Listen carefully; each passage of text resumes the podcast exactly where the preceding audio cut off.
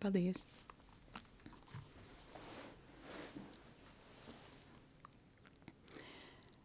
Sveiciens, mani sauc Elīna. Šis ir piecēlvai podkāsts, kā ir būt. Un mēs, piecēlvai komanda, šobrīd ļoti strauji gatavojamies labdarības maratonam DOT 5. Šogad tas ir veltīts cilvēkiem ar funkcionāliem traucējumiem. Tā ir ierobežota kustība, redze vai dzirde. Un, lai gan daudziem izdzirdot par funkcionāliem traucējumiem, droši vien pirmā asociācija varētu būt, piemēram, persona ratiņkrēslā, patiesībā nevienmēr šie funkcionālie traucējumi ir redzami vizuāli skatoties no malas malas, un tas rada iespēju tos noslēpt. Kas mums liek vēlēties būt neredzamiem? Es pieļauju, ka dažiem varbūt tas saistās ar kaut kādu romantisku ideju par kādu superspēju, neredzamības, taču daudziem vēlme noslēpties ir saistīta ar kādu stigmu. Un uh, Eiropā, Latvijā, daudz vietā pasaulē mēs bieži uh, neredzam tos cilvēkus, kuri ir izvēlējušies slēpties. Šāda izvēle ir sekas sabiedrības attieksmei, noliegumam un nereti pat arī apzinātai izslēgšanai. Daudziem slēpties liek kaut kas smags, bet ļoti cilvēcīgs, un tas ir vienkārši fiziskas sāpes.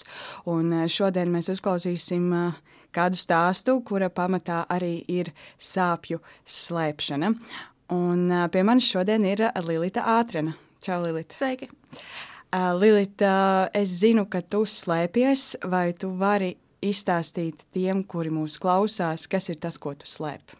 Es slēpju to, ka man ir artrīts, ka invaliditāte, ka es nespēju to pašu, ko citi cilvēki izdarīt. Un labāk Un labāk es to nepasaku, tāpēc, ka es zinu to, ka bieži vien tie komentāri nāks no citiem cilvēkiem, vienalga kāda vecuma. Un labāk, lai es būtu kā normāls cilvēks, kā piemēram normāls bērns vai pusaudzis, labāk izliekos, ka esmu tieši tāds pats cilvēks un cieši klusu.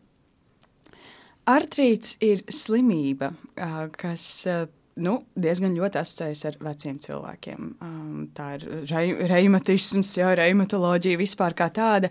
Kaut kā asociējas vairāk ar uh, cilvēkiem, kuri ir jau gados. Tev šobrīd ir cik? Man šobrīd ir 22 gadi. Un vai tu vari izstāstīt, kā 22 gados, ka, kas ir artrīts, kad tu pie tā tiki, ko tev tas ikdienā nozīmē? Nu, sāksim jau ar to, kā es tiku 12, 13 gados, un viss pateicoties tam, ka netika laicīgi atklāts. Ar to, ka nu, jau no rītiem pieceļoties, man sāpēja locītavas, rīta stīvums, un kā pa kāpnēm bija neiespējami. Man vien brīdi pat mammai likās, ka es simulēju, ne, lai neiet uz to skolu. Bet nu, laiks gāja, maza temperatūra, 372, 373, un gājām pie ģimenes doktora. Viss, ko ģimenes doktora teica, ka nu, it kā nav ko darīt, kā mērīt temperatūru. Vienkārši kā lai pasaka, lika to visu laiku malā. Līdz vienu brīdi manai mammai draudzene ieteica uztaisīt analīzi saistībā ar artrītu. Uztaisīja. Ļoti labi atklājās, ka ir artrīts. Nu, aizgājām pie viena reumatologa, tas tur deva nu, visāds tāds tabletīcijas, arī neko nedarīja. Aizveda pie nākamā labāka, un tur jau doktorai šoks, ka viss ir tik ielaists. Un tā arī mēs atklājām un cīnāmies vēl joprojām. Kā tas reāli ietekmē tavu ikdienas dzīves kvalitāti? Patiesībā sakot, ir pagrūti. Ir brīži, kad nu var, nu var dzīvot kā normāls cilvēks, nekas nesāp, kā var. Bet ikdienas darbi reizēm, nu, reizēm ļoti problemātiski. Kaut vai tās pašas kāpnes, kaut vai vienkārši piecelties no gultas ir problemātiski. Ir reizēm arī momenti, ka vienkārši gribās apgulties gultā un neko nedarīt, jo viss, ko jūtas, ir sāp. Vai nu pirkstiņš mazais, vai nu celis, vai nu mugura. Vienkārši gribās izlikties, ka tu neeksistē. Un, labi, tās ir tātad kustības, vai ir vēl kaut kas, kas ir tās lietas, ko tu varbūt ikdienā zini, ka tu vienkārši nevari izdarīt kaut kādas lietas, kur tu nemaz necenties iesaistīties, tāpēc, ka tu zini, ka tev būs grūti. Hmm. Piemēram, smaguma celšana vai vispār kaut ko celšana. Ir brīži, kad es palūdzu kādam citam, lai to izdarītu, un tas ir pat pārāk bieži, bet, nu, ja neesmu viena, kaut kā ir jādara. Kaut kā kas vēl? Kā tev ir ar skolu, nu, bijis ar skolu un visu pārējo, vai tas ietekmē arī mācību procesu? À, runājot par skolu, jā, pat ļoti pirmajās, nu, pirmajos gados, kad atklāju, tur vispār bija ļoti jautri, jo uzrakstīt, ne, nu, parakstīt pilspālu nekādīgi nevarēja. Bija ļoti, nu, nesmags rokraksts, ļoti grūti, par domrakstiem mēs vispār nerunāsim, tas jau bija kā nāves spriedums. Bet nu, bija diezgan pagrūtās rakstīšanas. Bija gadījumi, kad skolotājs vienkārši pārmet par to, ka nu, nesmuka tie rokraksti, lai pārakstu. Nu, tā kā vecais padomu laikos, kad kaut kas nav labi pāraksti. Visu laiku, nu, kā lai pasaka, bija tie brīži, kad tie sporti uzreiz, tu esi tā kā maliņā ar tādu, nē, es to nedarīšu, tā rakstīšana, kāpnes, lai tiktu stundā. Bet, nu, nedaudz arī labajā notīk, ka vismaz paveicās, ka pēdējos gados jau bija krietni vieglāk, ka varēja izmantot telefons un, ja nu kas, tu nofotografē to visu. Tāpēc par pēdējiem gadiem par laimi es varu pateikt, ka kāpnes tikai. Tas bija tas problemātiskākais, lai uzkāptu uz trešo stāvu. Mm. Es labāk izliekos, kas neesmu tajā stundā. Um, jā, tu minēji par attieksmi no sākuma mammas, kuras domāja, ka varbūt vienkārši simulē, jo tad nedrīkst iet uz skolu. Tu uzreiz jau pieminēji arī skolotājus, kas lika pārrakstīt uh, neglīto rokrakstu, kas uh, ir uh, sāpju rokraksts droši vien patiesībā. Kāda bija kopumā apkārtējo attieksme tādā jaunā vecumā, kļu, nokļūstot pie šīs diagnozes, ko teica cilvēki, kā viņi izturējās pret tevi, vai kaut kas mainījās? Nu, mainījies ar to, ka, kā pasaka, tā uzreiz, ko tu melo, ko tu izdomā. Tu taču pa jaunu esi.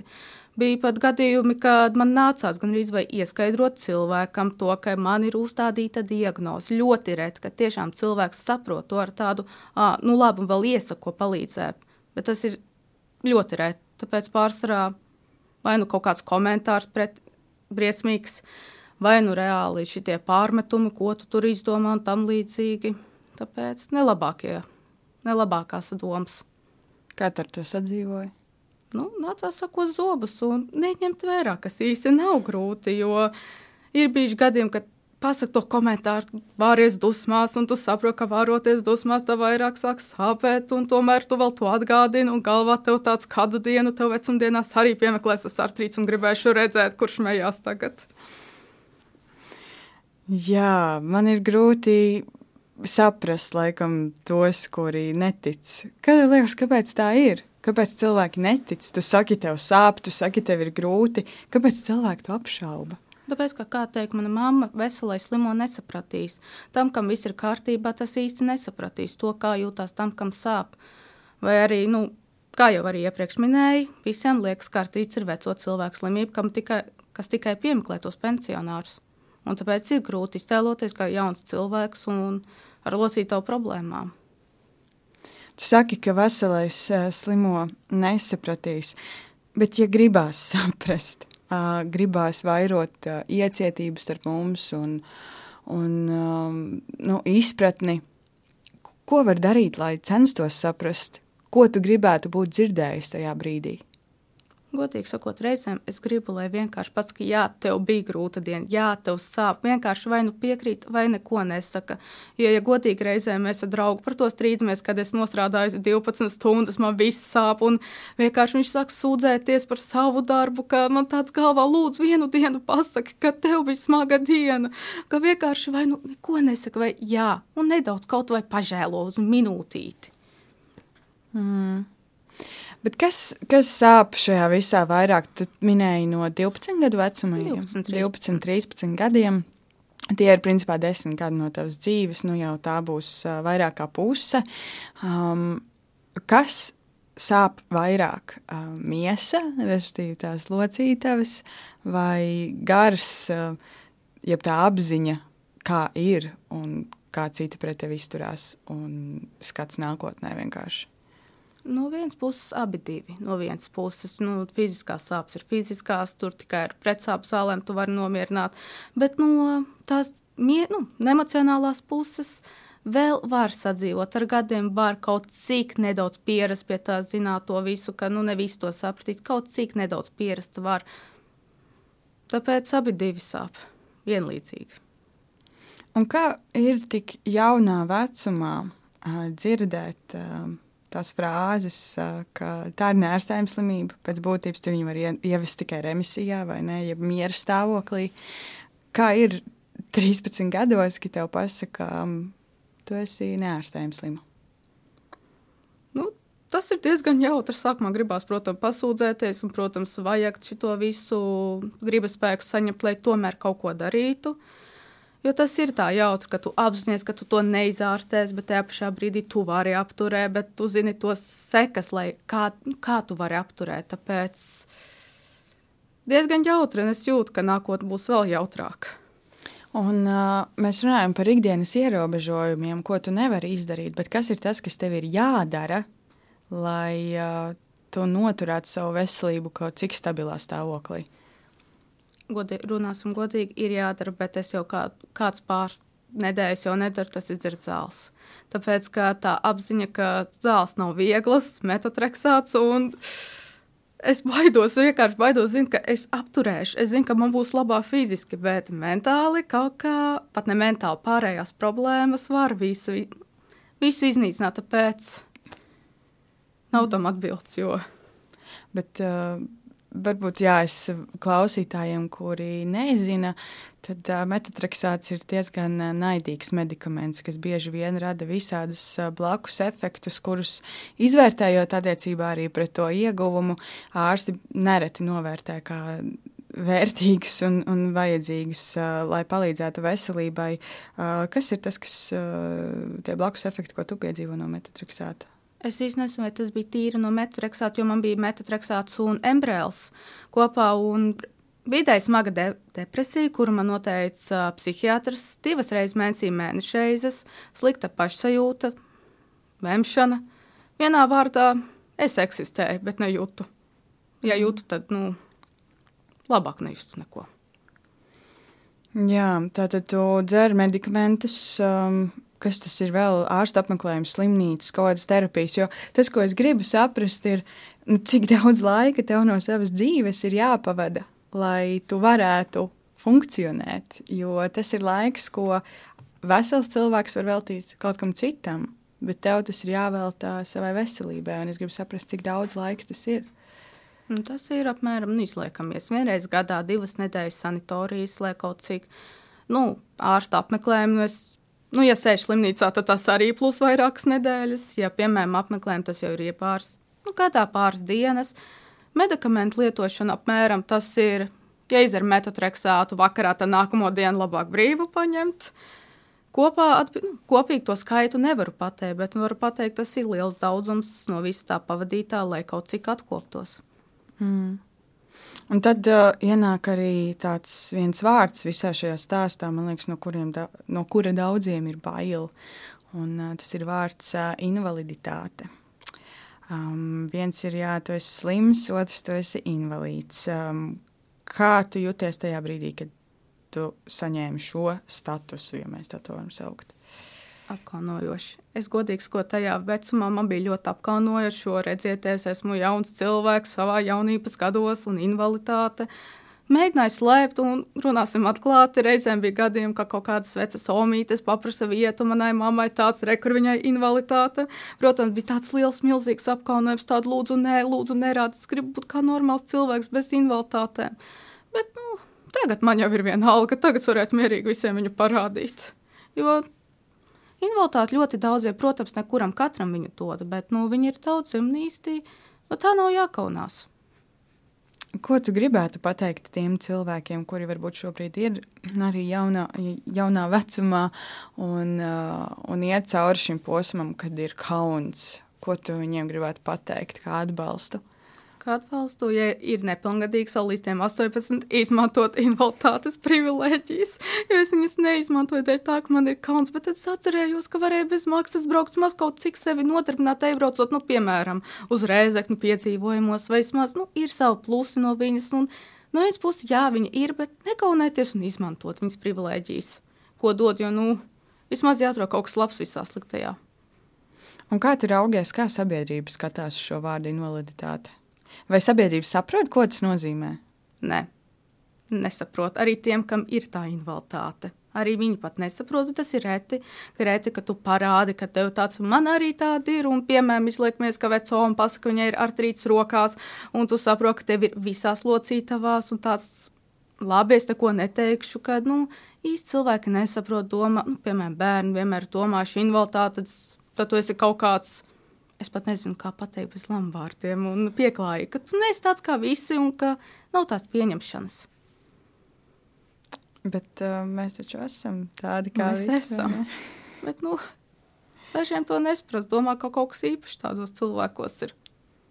Bet kā, kā, nu, kā palīdzēt cilvēkiem saprast, ka tas nekādā veidā nemazina cilvēku vērtību, vai tas nekādā veidā nu, nepadara viņu par citu, citu planētieti no citas, uh, citas pasaules? Nu, būtu labi, ja saprast tā, ka neko neteikt. Vienkārši viedoklis pie sevis paturēt, nu, lai iekšēji to domā, bet nevis to pateikt cilvēkam sejā. Ot tā varētu vismaz pieņemt. Jo, protams, par citu cilvēku tu neizmainīsi viedokli. Protams, varbūt kaut kas vizuāli vai kaut kāds domas tev neizmainīt no cilvēka, bet nu, vismaz to neteikt. Tas būtu pats labākais. Mēs noteikti vēl, vēl um, pieskarsimies šim, bet um, mūsu tēma ir sāpes. Mēs runāsim par sāpju slēpšanu, bet sāpes lielākajai daļai cilvēku, es domāju, saistās ar kaut kādu nu, tādu sajūtu, kas ir salīdzinoši reta. Ja nu, es nezinu, oh, man šodien sāp galva, šī ir viena diena, kad man tas notiek, vai oh, es sasitu kāju, un tagad man sāp kāja divas nedēļas. Respektīvi, kaut kas tāds ļoti laikā ierobežots un tāds terminēts. Kā ir dzīvot dzīvi, kad sāpes ir uh, kaut kas patstāvīgs, kaut kas, kas ir visu laiku, bez termiņa, bez ierobežojuma, kaut kas, kurā tu dzīvo iekšā, kaut kā tava ikdiena. Un Tas ir interesanti, tāpēc, ka nu, tā kā ikdienā tu kaut cik minimāli pierod pie sāpēm, bet tajā pašā brīdī tā sāpes ir kā kaut kas atkal jauns. Jo, piemēram, es sēžu un man šobrīd sāp īks, bet es zinu to, ka viņš man sāpēja vakar un aizvakar. Un tā diskomfortablā sajūta, kad tu jūti, ka kaut kas smelts. Un tu nezini, jo, piemēram, rudenī, rudenos, nu, protams, būs tie visi uznākumi un katru gadu. Bet tad ir vasara, kad tu aizmirsti, ka tev tāds artrīts ir reizēm, tu vari dzīvot tādu vauma, tāda it kā nav vairs. Un tad atkal viss sākās no gala, it kā viss būtu atkal pirmā diena. Bet tad tu vēl spēj salīdzināt, ja kāda ir dzīve bez sāpēm, vai tu vairs īsti neatceries tādu konceptu. Par lēmu es vēl atceros, bet pēdējā laikā viņš atgādināja, ka tāds eksistē. Uz rudeni kā vienmēr. Um, man ir tādas aizdomas, ka artrīta sāpes atšķirās no citām sāpēm. Um, es, es nezinu, kā tu to esi dzīvē izjutusi, bet tā ir specifiska, man liekas, uh, sajūta. Vai tu vari censties aprakstīt, kā sāp artrīts? Es to ilgi centos izdomāt, kā aprakstīt kādam, bet, nu, kā lai pasakā, locītam, nu, jūtam ir tā locītam, un ka kaut kas smeldz viņā, kad vien brīdi ir viss labi, un tad atkal sāk smeldzēt kaut kas, ka tas diskomforts, kas smeldzēš, smeld, smeldzoša sajūta, ka reizēm vienkārši ietiet, iet, un tad cēlis izdomā parādīja, ka eksistē arī tāds, un tad var just to, ka nevar kāju vairs ne iztaisnot, ne nu, tā smelzošā sajūta. Jo ļoti grūti ir izskaidrot to artrītas sajūtu. Jo tas es ilgi jau gadiem mēģinu izdomāt. Um, tā, tā ir viena, divas, trīs locītavas. Cik daudz uh, tavs ķermenis uh, no tā cieš? Visas locītavas, bet cieši kā kura, kā, nu, kā kura un kā kur reizi. Reizēm, piemēram, kaut ko darot, viņa par, nu, darot, piemēram, mēdot žoklī, kaut kā iesāpās vai iekrampējās. Ejot, eh, tas celis sāp, reizēm vienkārši guļot. Celis, roku, pirkstu un muguru parāda to, ka viņi arī ir slimi un kad arī viņiem vajag to aprūpi. Jā, nu, ir, protams, um, skumji. To dzirdēt, uh, skumji ir, ka cilvēkiem ir jādzīvo sāpēs, uh, bet uh, man liekas, ka vēl skumjāk ir tā nākamā daļa, ka ir tās sāpes uh, jāslēpj. Kāpēc tu slēp?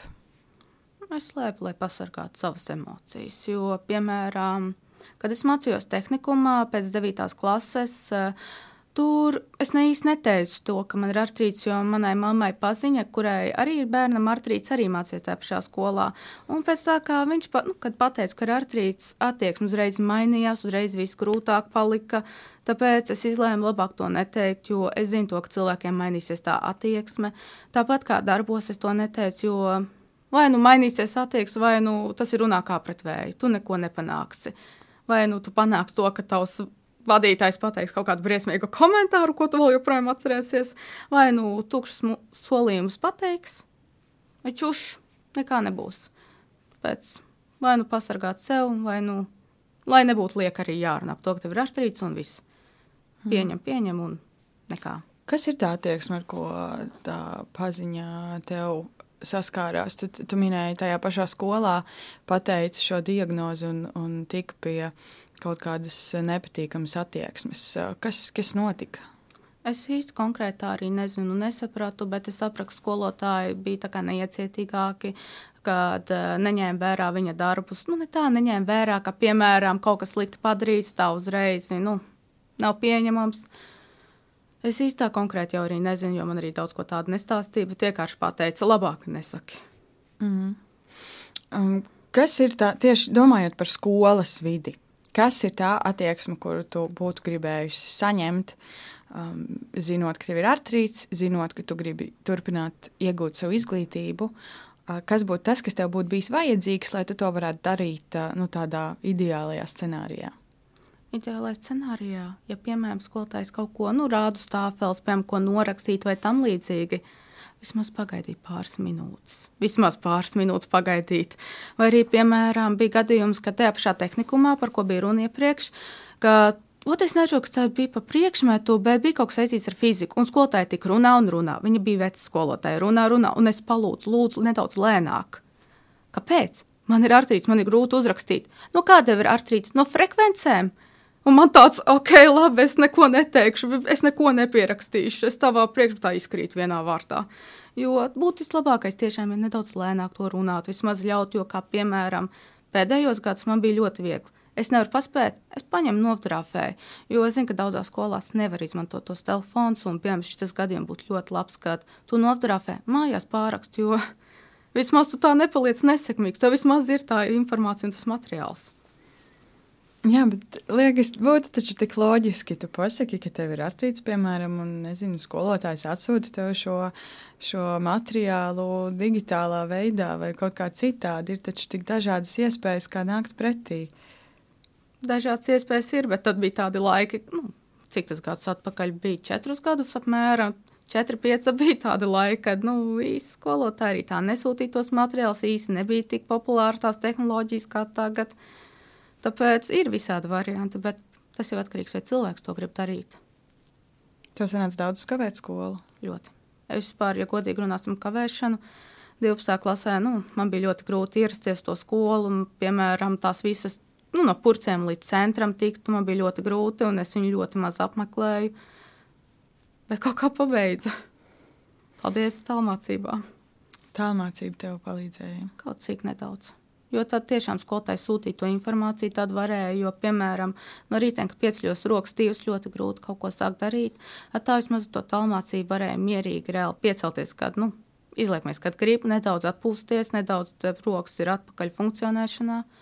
Un var sākt kaut ko pamazām darīt. Un datorrakstīšana ir daudz vieglāka nekā ar, pirkstu, nu, ar pilspāvu rakstīt. Cik man liekas, to labi parādi to, ka visu var izdarīt. Vienkārši reizēm ir bijis citādi jādara. Ne? Jā, tur ir arī jāmeklē alternatīvas. Jo, piemēram, kārtas es varu atrast ļoti daudz alternatīvas. Man liekas, cilvēki, kuriem ir tās problēmas, viņi atradīs alternatīvu visam. Plus mīnus. Kam tu vēl esi atradusi alternatīvas, kā uzlabot savu ikdienu? Hmm. Es īsti tagad uz mājām nevaru pateikt, bet es ticu tam, ka ir kaut kas. Bet es mājām tagad nevaru pateikt.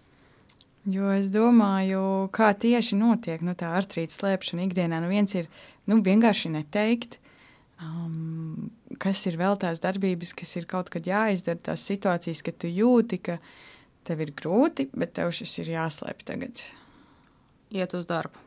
Tas ir, kad jūt, ka jāiet obligāti, bet tajā brīdī sāp kaut kas.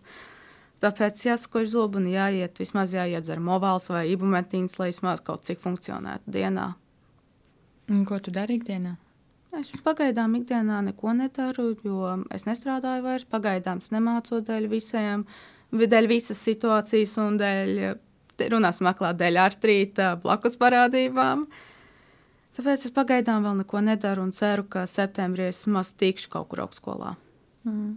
Tu minēji blakus parādības. Kas tas ir? Jo mm, daudzi arī dzird šobrīd droši vien domā, o, artrīts tā tad sāp. Bet artrīts nav tikai, uh, tikai sāpes, tam nāk vesels komplekts apkārt, kas vienkārši izriet no tā, kas sāp, vai arī ir vēl papildus lietas, vai tu vari izstāstīt, kas ir tas? Nogurums, pārsvarā ļoti liels nogurums. Jo, piemēram, es nezinu simtprocentīgi, vai tā ir saistība. Man vēl ir fibromialģijas sindroms, laikam, es nevaru pat izrunāt. Kas tas ir? Tas ir tad, kad sāpes liekas ir paaugstināts. Jo, piemēram, sas, nu, protams, artrīts un tas arī viens nu, līdzīgi, bet, piemēram, kad sāku savus, saustraukties, man vairs locītavs nesāp. Man jau sāp, piemēram, krūškurvis, kaut kādas citas vietas, kur nav saistīts ar locītavām. Kad mazākais stress, mazākā saustraukšanās rada sāpes. Un, ja, piemēram, nu, sasit plecu pēc kāpju izliekamies, kādam tas var pasāpēt pāris minūtes, bet es vēl desmit minūtes jutīšu to diskomfortu, tās sāpes. Mm. Um, vai tu, tu minēji vēl arī šo darba vidi, vai tu vari izstāstīt, um, kā tā slēpšana notika tur un kas bija tā attieksme, ar ko tur tu saskāries? Jo mēs izrunājam par skolu, bet tagad domājot par darba vidi. Par darba vidi un labi, tā bija mana vaina. Es izvēlējos fiziski smagus darbus, piemēram, stāvot kājām visu laiku. Labi, pirmajā darba vietā vēl ok. Otrajā darba vietā bija momenti, kad, nu, piemēram, No 10 līdz 10 jābūt darbā. Vienīgā pasēdēšanas iespēja tas bija 20, 30 minūtes no tā visa laika. Un, kā lai pasakā pīpaņiem, tā ļoti labi iespēja dabūt vēl vienu papildus pauzīti, kurā es devos, lai pasēdētu. Un saistībā ar to es nevienam neteicu to, ka man ir artrīts, jo es zinu, ka tas fizisks darbs bieži var dzirdēt, Lilita ātrāk, Lilita ātrāk, dari to ātrāk, un tāpēc es zinu to, ka labāk neko neteikt, labāk to izdarīt. Bet nu, vienreiz es pateicu vienai savai vadītājai par to, ka man ir veco ļaužu slimība. Uz ko man atbilde bija, ah, kad jāskrien pīpēt, tā uzreiz nav artrīta. Viņa to nesaprot, tā ir vienīgā iespēja man pasēdēt. Tāpēc, jo, piemēram, es vadītājai pateicu, ka man ir artrīts pēc gada nostrādāt tur.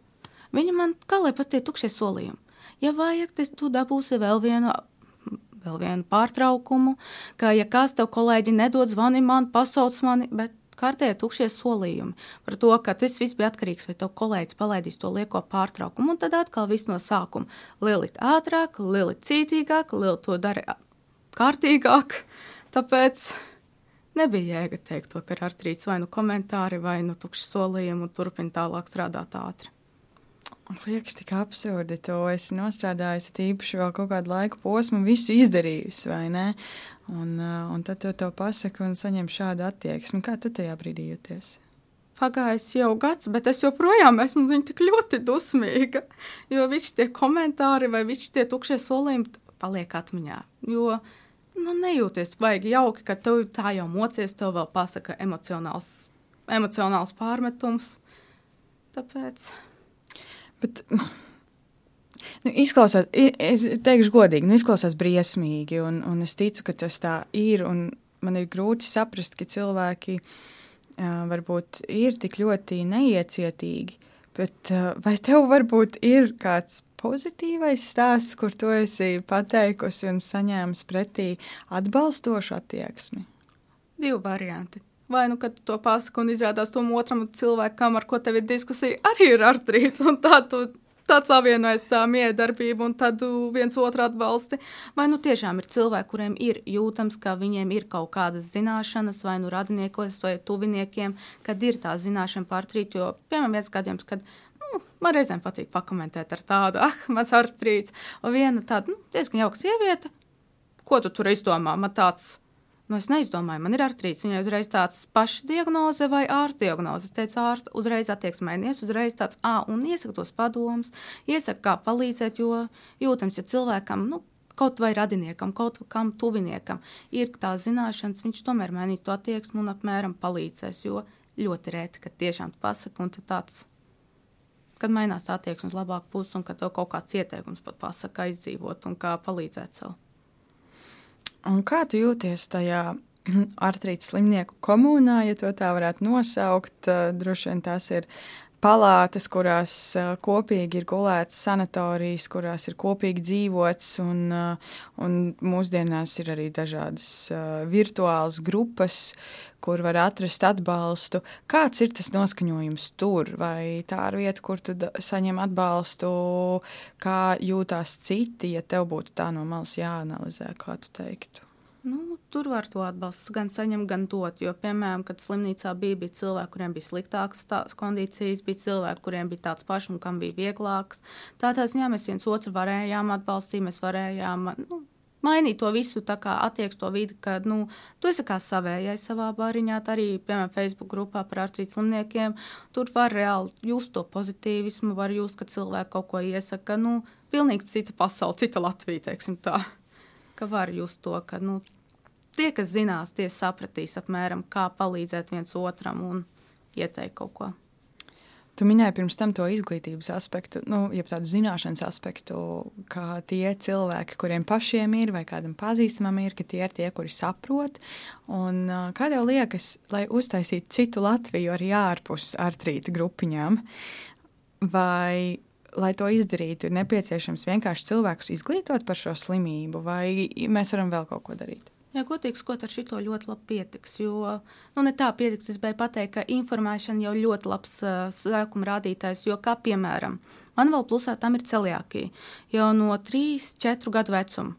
Un tajā laikā, kaut kāds 20 gadus atpakaļ, pat daži ārsti par to nezināja. Viņi pat nezināja, kas ir celiakie, par to maz runāja. Bet tagad man jau ir prieks redzēt, ka iet Facebookā, piemēram, tā firma, kas izplatīja bezglutēna produkciju, ka viņi jau pat nu, parāda tos simptomus, parāda apmēram, pat uztaisa savu maziņo tēstu, lai saprastu, vai tev ir tā celiākija. Un ar to jau tāds liels prieks, ka vismaz kaut cik informē to sabiedrību, ka tāds eksistē. Kā tāpat ar artrītu, kad ir dienas, kad ir arī artrītu slimnieku. Nu, Nu, ir uh, savas artrītu dienas. Teiksim. Man liekas, ka nav kaut kāds novembris vai neatceros. Kaut kad nesen, kad pēdējā mēneša laikā bija kad nesen. Diena. Un tādā ziņā tas jau ir liels progress, ka tiek jau informēts, jo, kā salīdzināsim 20 gadus atpakaļ, celiākī ne pat ārsti nezināja. Un tagad vismaz, ka, ja informē, kad uh, arī jaunieši, bērni arī slimo ar pensionāru slimību, tas jau ir liels progress, kad zināt, ka tāds eksistē, ka tāds cilvēks arī eksistē. Uh, un sākums arī labs. Un droši vien jāpārtrauc to saukt par pensionāru slimību, vai ne? Es domāju, nu, mums visiem uh, tas būtu ļoti veselīgi, jo patiesībā jau jauni cilvēki mūsdienās ar to tiek diagnosticēti aizvien biežāk. Aizvien biežāk, jo es ļoti daudz cilvēku redzu, ļoti daudz sastopu, kuri tiešām arī pasaka, man ir juvenīlais, idiopātiskais, remtiskais artrīts un tas tāds kurais jau pēc saraksta, kurais jau pazīst ar tādu diagnozi. Nīt kā no vienas puses ir forši satikt vēl kādu, kuram tāda pat diagnoze, bet no otras puses man ļoti žēl satikt, ka ir tāda, nu, satikt vēl kādu, kuram arī tāda diagnoze. Mm. Gribētos, lai neviens to nepiedzīvo. Ne? Gribētos, bet nu, tāds cilvēka organisms diezgan interesants. Diezgan interesants, visnotaļ diezgan interesants. Um, bet um, dzīvojot šajā pasaulē, kur tā artrīta grupiņa vēl ir salīdzinoši maziņa. Īstenībā mēs varam tikai cerēt, ka viņa arī paliks maziņa un neplatīsies plašumā.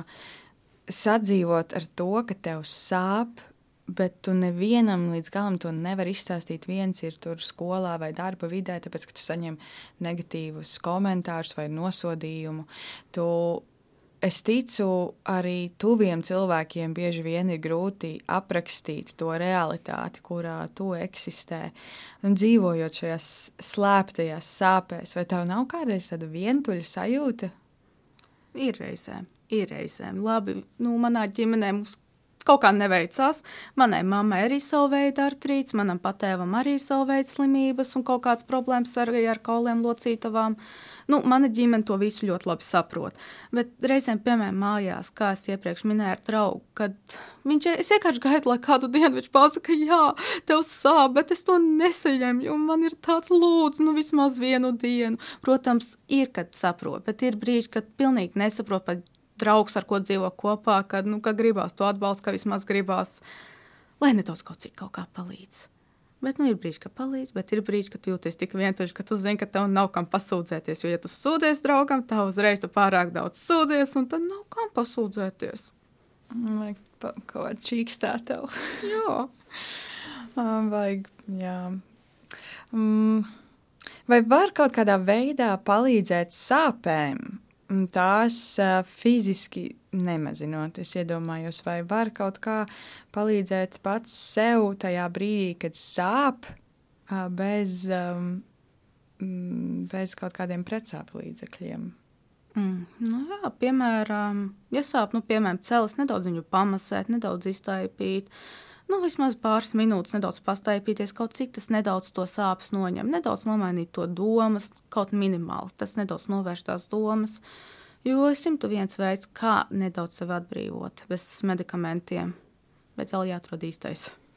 Bet es tieši domāju īstenībā par šīm, par šīm domām. Es iedomājos, ka tu esi telpā, kurā tev sāp, kam vajadzētu notikt šajā telpā, šajā vidē, tev apkārt, lai tu uh, justos labāk. Un es domāju ne tikai fiziski, bet arī mentāli. Es nezinu, ja mēs iedomājamies tādu tukšu, tādu, iedomājamies tādu tukšumu, tad tur esi ar savām sāpēm.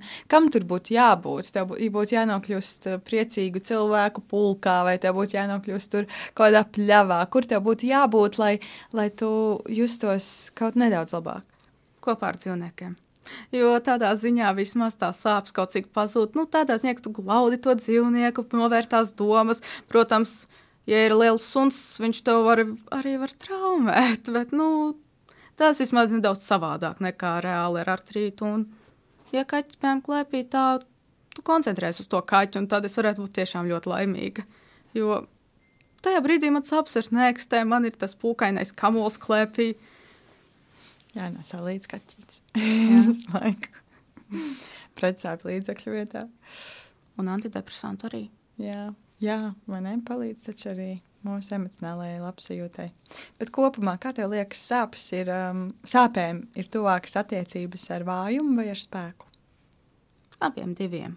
Ar abiem diviem. Jo ar to spēku tu vismaz jau esi nedaudz pieredzējis pie tām sāpēm. Kā piemēram, ne, nu, nestoties to, kad es sēdēju pie slimnīcās, visu laiku tās asins analīzes ņēma, visu laiku zāles tika durtas. Un, protams, tu jau sāc pieredzēt pie tām adatām, ka, nu, tev jau arī vairs nav tik ļoti bail, ka nu, arī tik daudz sāpes tas neizrāda. Kad dod savu imun, imun, imunsistēmu, imunitāti pret to visu. Bet tajā pašā brīdī vājums, kā piemēram, skrienot krosu, tu nevari paskriet, un tā tas vājums emocionālais, ka tu nevari būt kā citi. Un tajā pašā brīdī tas vājums, kad gribās sasniegt to mērķi, bet nu ir jau pagrūti. Jā, es tieši domāju par to attieksmi, nu, ka bieži vien nu, informējiet cilvēkus par šādu ā, faktu. Sanāk tāda divējāda sajūta, man liekas. Viens ir, ka tu pats jūties ļoti vājš, jo tu daudz ko nevari, vai ne? Mm -hmm. Uzkāpt kaut vai tu minēji uz trešo stāvu. Uh, bet uh, tie cilvēki uz, no malas atkal, un es arī šobrīd uz tevi skatos, kā uz ļoti stipru cilvēku, ņemot vērā visu to, kam tu esi gājis cauri. Tur sanāk tāda divējādība, vai ne? Jā, tur ir tā divējādība, jo, jo tur ir, nu, ir tā divējādība, kad, piemēram, tu esi tas vājš un tu esi tajā pašā brīdī stiprs, jo cilvēki, kas cieš, viņi ir stipri. Nu, Kā es arī iepriekš minēju, tie, kas izjūt tos pašus sāpes un to pašu visu, un ir nu, lietas, kuras ap to visu, viņi redz to otru cilvēku kā stipru. Bet tie, kas lielākā daļa nezina, par ko viņi saskarās, vai cits saskarās, viņi redzēs vāju. Tas ir koks ar diviem galiem. Jā, man grūti, grūti to saprast un iedomāties. Un, un runājot arī par to invaliditāti, tev ir trešā grupa. Trešā. Un trešai grupai, mm, trešā invaliditātes grupa tiek piešķirta cilvēkiem ar mērenu invaliditāti, kuriem vērojams 25 līdz 59% liels darba spējas zudums. Tas ir patiesībā ļoti daudz, manuprāt. Un runājot par spēku, es kaut kā vienmēr skatoties uz šiem cipariem, iedomājos, ka tie ir tie 25 vai 59%, kuri ir jāpieliek klāt, lai tu būtu no malas skatoties simtprocentīgs. Tā kā citi, respektīvi, kad tu pabeidz skolu, tāpat kā citi, tev tas ir prasījis 25 līdz 59% vairāk spēka. Un domāju, kāds vēl vājums? Vai ne? Kāds vēl vājums? Tu taču esi stipra. Vai ne? Es arī par to pašreizēm domāju, bet, nu, kā ir, tā ir. Nu. Jo tu taču dari vairāk, lai izdarītu to, ko izdarītu kāds cits.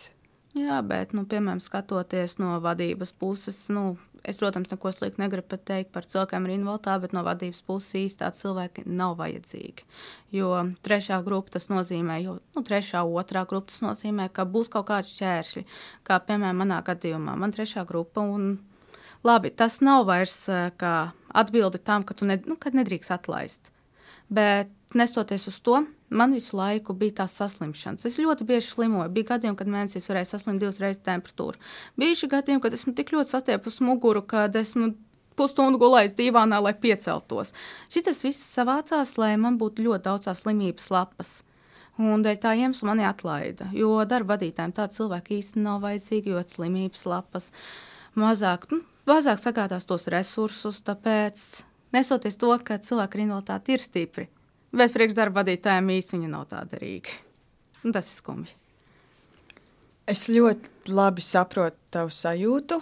Tajā pašā laikā man uzreiz man iekšā ir skaļš kliedziens, kas saka, nu, muļķības, muļķības, cik daudziem cilvēkiem ir trešās grupas invaliditāte, un tie ir tiešām ļoti daudz cilvēki, um, kuri var šo noslēpt. Un viņi taču ir ļoti vajadzīgi. Es nezinu, um, man liekas, tas, ko šie cilvēki bieži vien spēj izdarīt, tas nereti ir uh, vairāk tieši tā spēka dēļ. Vairāk jau jā, bet tomēr atradīs to iemeslu, lai reāli saskatītu. Nu, piemēram, kā minēja iepriekš, darbvadītājs atradīs to iemeslu, saskatīs to mīnusiņu. Nestoties to, ka, piemēram, daudz ko tas cilvēks to invaliditāti ir sniedzis, kad uh, daudz ko devis, nu, piemēram, atdevis tos pēdējos spēkus reāli, bet atradīs to maziņo mīnusiņu, kas īsti nepatiks, vai uzreiz tad, nu. Jo, piemēram, labs gadījums, kā mana kolēģe, kurai bija epilepsija un kurai nu, problēmas arī ar veselību, draud atlaišana. Aizgāja projām pati, tāpēc, ka tas jau arī nav normāli. Cilvēks sniedz to visu vajadzīgo, sniedz pat vairāk nekā daži labi, kuri, pat, nu, kuri spējīgi, nu, nespēja Tādi, kur ir veseli un kuri var sniegt, bet viņi nesniedz.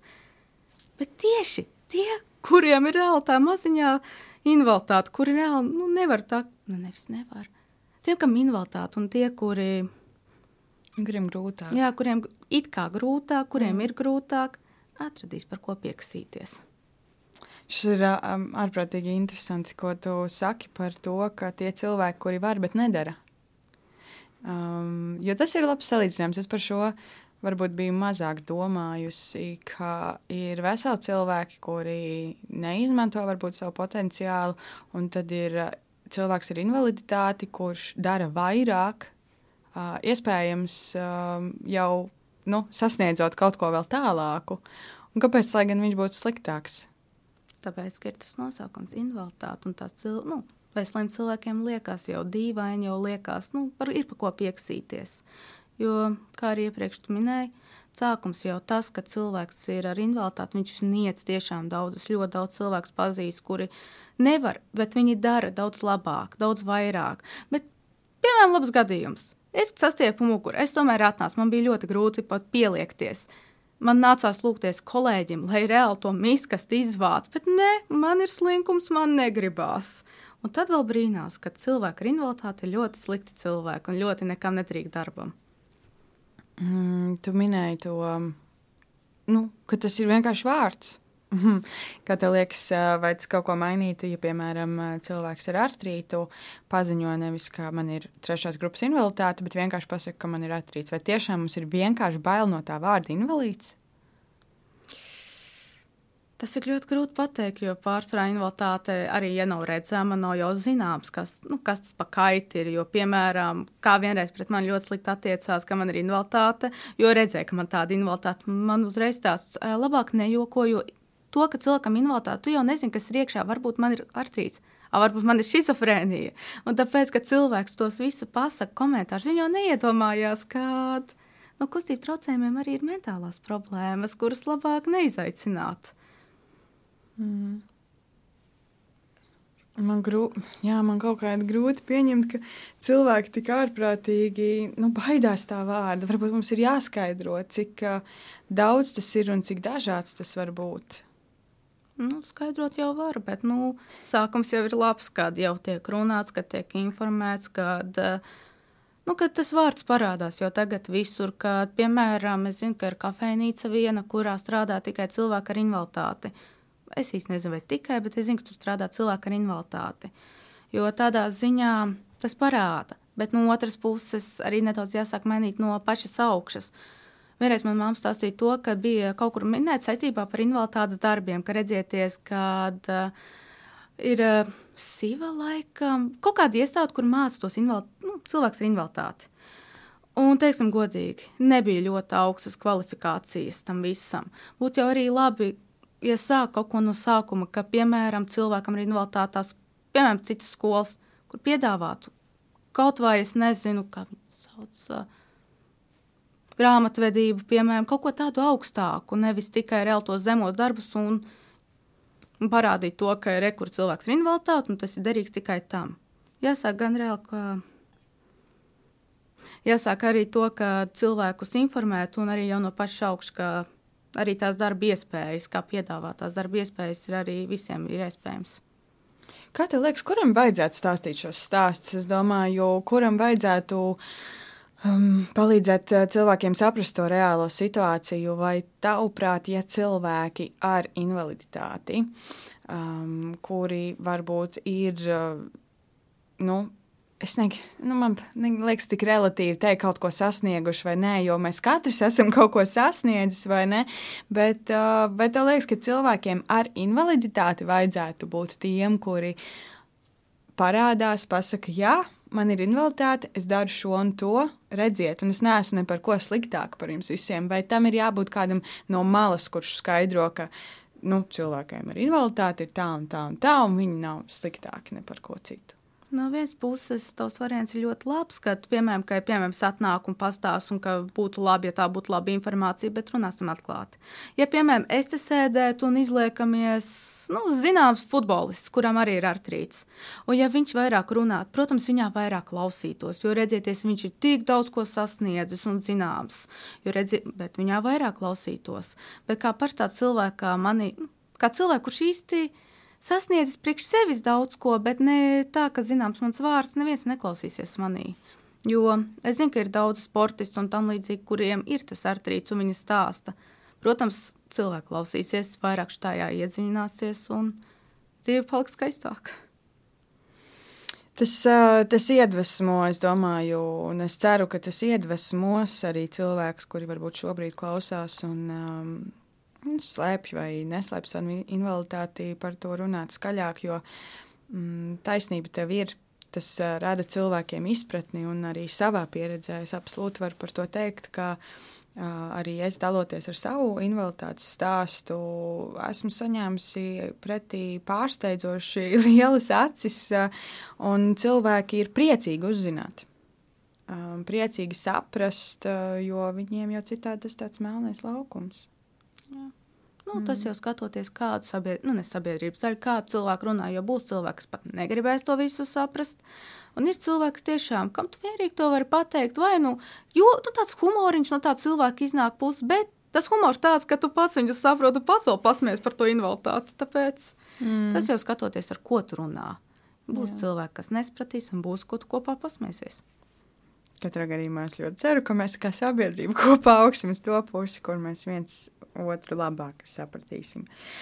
Mm, vai tev tavā dzīvē ir kaut kas tāds, ko tu zini, kas tev nekad nebūs pieejams un sasniedzams, un, uh, ja ir kaut kāda tāda lieta, kā tu sadzīvo šo apziņu, ka tev ir kaut kāda zona, kur tu vienkārši visticamāk nekad nenokļūsi savas veselības dēļ? Sāksim ar to, ka es esmu no daudz kā teikusies. No iesāktiem un neiesāktiem plāniem, vai nākotnē man viņi nebūs sasniedzami, tas ir grūti spriest. Jo nu, visi jau ir, nu, ne visi, ja pats cenšas, var jau sasniegt. Jo esmu nu, atteikusies no sapņiem reāli par flautu. Es gribēju bērnībā ar BMW braukāt, bet nu, reumatologs teica, ka nebūs. Nācās atteikties no mākslas skolas, un, protams, vēl ir tā apziņa, ka ir tā apziņa, ka it kā jau varētu turpināt, bet vai mans artrīts atļaus turēt to zīmolu rokās, tāpēc it kā jau var mēģināt, bet tajā pašā brīdī atceroties, cik man grūti gāja mākslas skolā, dēļ tās keramikas, kas man iekāza. grūti spriest, jo it kā jau visu var sasniegt, ja cilvēks cenšas. Un kā tu vairāk skaties uz nākotni ar tādu cerību vai, nu, vai nolemtību, kas droši vien ir arī normāla reakcija šādā situācijā? Viss atkarīgs no manas domu spēka. Es, protams, nolaidīšu, tad, protams, būs jau nākotnē redzams, kā grāvis kaut kāds. Bet, ja tomēr es saņemšos un tiešām sākšu kaut ko darīt un censties, tad jau es jūtu to, ka varētu jau uz kalnu kāst un kaut ko darīt. Mm. Mm, kā tev? Kā tu ikdienā pati palīdzi citiem? Hmm, diezgan grūti pateikt. Nu, es mēģinu, nu, kā lai pasakā, es neju īsti no mājām nekur, bet nu, es mēģinu sociālā vidē vismaz kaut kā iedrošināt cilvēku, kaut ko ieteikt, vai vismaz kaut ko mēģinu nu, pateikt ar vārdiem. Vai nu neko neteikt, vai nu kaut ko labi pateikt. Hmm. Un um, kāds mēs te visādi esam runājuši par. Uh, par to, ko vajadzētu darīt, lai sabiedrība būtu iecietīgāka, kā vajadzētu reaģēt, kā vajadzētu šo un to, bet apkopojot to tādā vienā um, kopumā, vienā pasaulē. Iedomājies tagad ideālo pasauli, kur ir cilvēki ar invaliditāti, ir cilvēki bez invaliditātes. Ir tādi cilvēki, kādi tie ir. Mhm. Bet, uh, nu, kāda būtu tā ideālā pasaule, sabiedrība, kurā tu gribētu dzīvot, lai mums visiem būtu labāk. Kādiem vajadzētu būt priekšnosacījumiem, kādām vajadzētu būt sistēmām, vienalga tas var būt slimnīcās, cilvēku domā, pilnīgi vienalga, kur. Ka visas slimības ir vienlīdzīgas.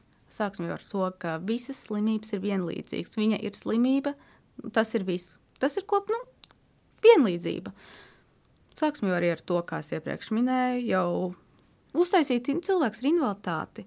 Nevis uztaisīt, bet cilvēks invaliditāti pielīdzināt tāpat kā pārējos. Kā piemēram, protams, tas ir iespējams, protams, ir redzēt gadījumu, bet, piemēram, ka cilvēks ratiņkrēslā, es nezinu, domas sēkā strādā, ka tas būtu diezgan normāli, kad apdomās par invalīdiem, ka cilvēkiem kustību traucējumiem, ka Viss ir vienlīdzīgi, kad var strādāt cilvēks arī tikpat augstu amatu, arī ar to pašu artītu, neko nesaņemot pārmetumus.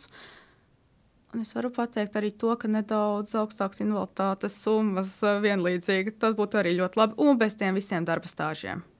Mm. Jā, pabalsti arī laikam ir. ir vēl viens caurums. Cik tu šobrīd saņem mēnesī pabalstu? 136 eiro. Nesoties to, ka man ir no bērnības, un es laiku domāju, un manā mamma teica to, ka tev jāpaukstina, jāpaukstina. Un es laiku domāju, kaut kā nav paaugstināta jau gadiem. Un izrādās, ka tas rops, ka man vajag būt trīs gadu stāžam nostrādātam, lai man paaugstinātu invaliditāti, kas man bija no bērnības. Un tas ir ļoti liela problēma, jo es nezinu, man tie trīs gadi nostrādāti. Es joprojām saņemu tos 136 eiro. It kā izdzīvot jau var, bet. Nu, man liekas, ka. It kā ja mēs ņemam vērā tos 25 līdz 59% darbspēju zudumu, tad pat tad, ja mēs pieņemam tos 25, un ja mēs rēķinam, ka šie 136 eiro aizstāja to, un pat tad, ja mēs reizinām ar 4 mūsdienās, tas jau tāpat tās ir diezgan maz. Tas ir maz, jo, piemēram, Bērnībā man bija tā problēma, ka man bija celiakija un artrīts, un maksāja tikai vienu invaliditāti pa visiem. Kad mana mamma devās uz attiecīgām instancēm, tur vienkārši tā darbinieca tāda, nu, kā lai nē, bērns to glutēnu, nu viss. Bet es atvainojos, glutēna izstrādājumi Latvijā ļoti, ļoti dārgi, un vēl, ja artrīts, ja visi medikamenti, protams, mana mamma nedaudz, nevis nedaudz, ļoti centās, ka rakstīja Jūrijam Jansonam rakstīja visu šo nedaudz likums mainījās, kad nu, celiakī celiakīs invaliditāte naudu saņem, mm. invaliditāte invaliditātes, bet nu, tāpat tas nemaina būtību, ka Latvijā vēl joprojām, piemēram, tie glutēna izstrādājumi ir dārgi. Piemēram, tie paši medikamenti arī nav tie lētākie, kā labi ir valsts apmaksātie, bet ibumetīns. Ibumetīns nav valsts apmaksātais. Tāpēc, piemēram, ortozes, lai kaut cik atvieglotu dzīvi. Tas jau arī maksā naudu. Reimtologa vizīte 40 eiro. Protams, var valsts apmaksāt. Valsts atrast, bet visas analīzes, tas jau arī savu veidu naudu aiziet. Jā, nu, tur tas pabalsts izku, izkūpa un vēl aiziet mīnusiņos, vai ne? Jā. Mm. Jā. Nu, Man liekas, tā ir, ir tāda vesela, gandrīz vai paralēlā realitāte. Man liekas, ka daudz cilvēki tiešām ne, neredz un nevar iedomāties šo ikdienu, ikdienu, kura ir tik viegli noslēpjama. Un, un skumjais fakts ir tas, ka ļoti liela daļa izvēlas arī slēpt. Un mēs dzīvojam um, daudz, es domāju, rozā brillēm vienkārši neredzot to cīņu, kurai iet daudz mūsu līdzcilvēki cauri. Un, ja mēs būtu iecietīgāki un, un, un saprotošāki, tad, tad mēs dzīvotu droši vien pie labākā pasaulē, vai ne? Viņa labākā, jo, piemēram, reizēm, reizēm vienkārši gribās to vīstas, tos komentārus. Nevis tā kā aizmetos, visu komentārus likt pie malas, paņem grābekli un iziet ielā ar tādu, ka ar trītu slimo arī bērni un jaunieši reizēm tik ļoti to gribās izdarīt, jo gribās pierādīt, nu, nepierādīt, gribu, gribu parādīt cilvēkiem to, ka visi ir vienlīdzīgi, ka reāli slimība ir slimība vienalga kādā vecumā, ka dzīve reāli nav tik skaista un tavas problēmas, ka, piemēram, tu, es nezinu, nadziņu salauzi, nav tik, nu, nav puķīta salīdzinājumā ar to artrītu. Un kā bez tiem komentāriem. Tas būtu vispār tik skaisti. Bet, nu, Ja, man patīk tas, ko tu saki, ka slimība ir slimība, vai ne? Un mēs nevaram salīdzināt, ka viena ir, viena ir tāda, otra ir tāda. Katra ir citāda. Jā. Vai ne? Katra ir citāda, un, un, un tur nav ko salīdzināt. Kā saka, salīdzināšana visu problēmu lielais uh, iemesls. Jā. Um, mūsu saruna ir uh, pietuvojusies beigām, bet uh, pirms mēs noslēdzam, es ļoti priecātos, ka tu vari padalīties uh, ar to, kur mēs varam smelt spēku šajā grūtajā laikā. Uh, kas mums visiem ir grūts, nu jau, un, un mēs katrs ejam cauri dažādām cīņām. Tu esi stiprs cilvēks, man to tā ļoti gribas teikt, un, un tieši tāpēc es gribu, lai tu padalies ar savu spēku ar visiem tiem, kuri klausās.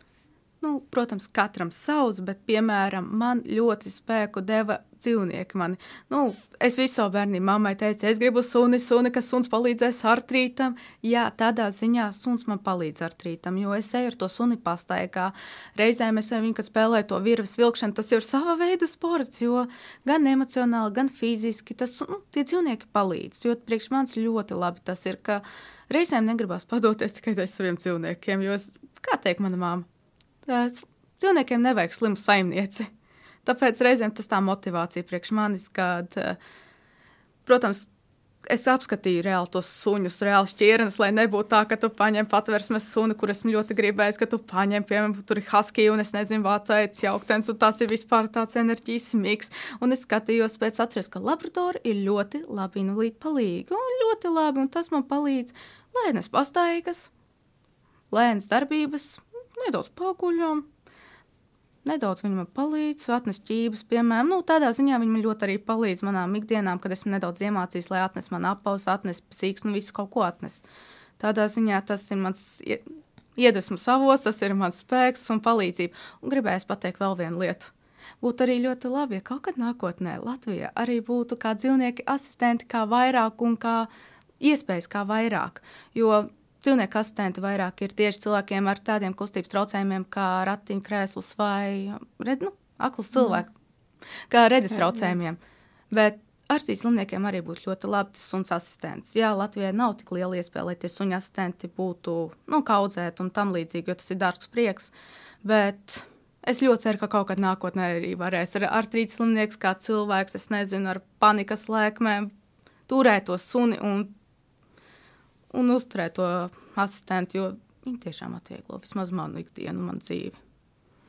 Jā, dzīvnieki ir mūsu labākie draugi. um, arī dod pieci ietveros. Mēs um, vāksim ziedojumus, lai palīdzētu cilvēkiem ar funkcionāliem traucējumiem, tieši uzlabot viņu personīgo vidi.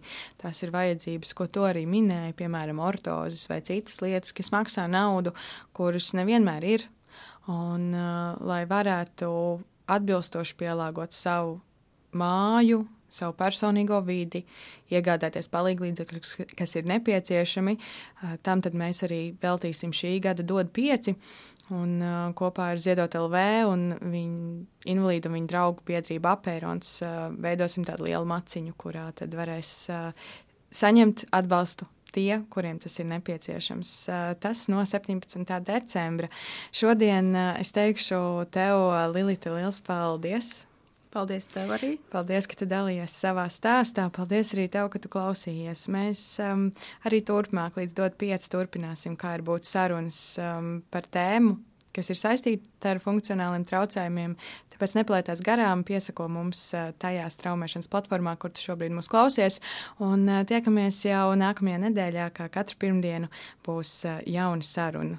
Un, jā, pagaidām saku atā.